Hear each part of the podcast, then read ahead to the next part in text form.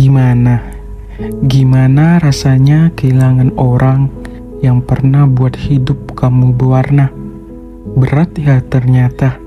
Kirain ada atau enggaknya dia, hidup bakal baik-baik aja.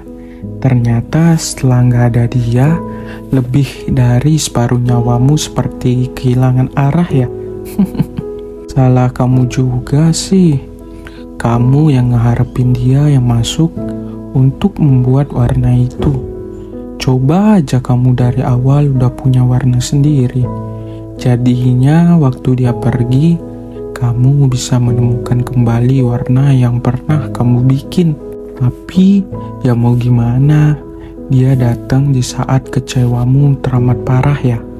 Jadinya yang kamu butuhin saat itu ya seseorang yang ngerti tentang kondisimu dan paham cara agar buat kamu nyaman. Sebatas itu bukan? Sebatas itu kamu pelan-pelan membuka hati buat dia.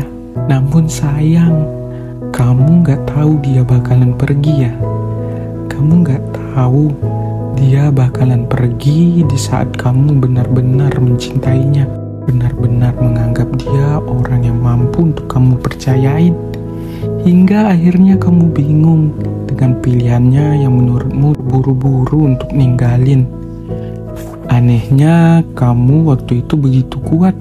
Kuat sekali untuk bilang gak apa-apa untuk dia yang pamit pergi.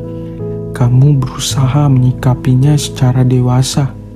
Eh, enggak ding kamu menutupi sakitnya dengan berusaha untuk baik-baik aja, untuk bilang secara tersirat bahwa ditinggalin dia gak bikin kamu kehilangan apa-apa. Tapi lihat deh, semuanya masih tentang dia bukan? Kamu diam-diam masih mencari tahu tentang dia bukan? Kamu mencari tahu setelah gak sama kamu, apa dia bisa menggantikan orang seperti kamu? Dia bisa. Dia punya seseorang yang baru, jauh lebih baik dari kamu, jauh lebih ceria dari kamu, jauh lebih dari segalanya dibanding kamu. Gimana? Rasanya masih sama. Sayangmu masih ada ya. Tapi coba lihat, dianya udah sayang sama yang lain, sama seseorang yang jelas juga sayang sama dia. Satu lagi, Sayangnya mereka saling terbalaskan. Kamu gimana? Sayangnya kamu sekarang ke mana? Ke diri sendiri aja masih berantakan.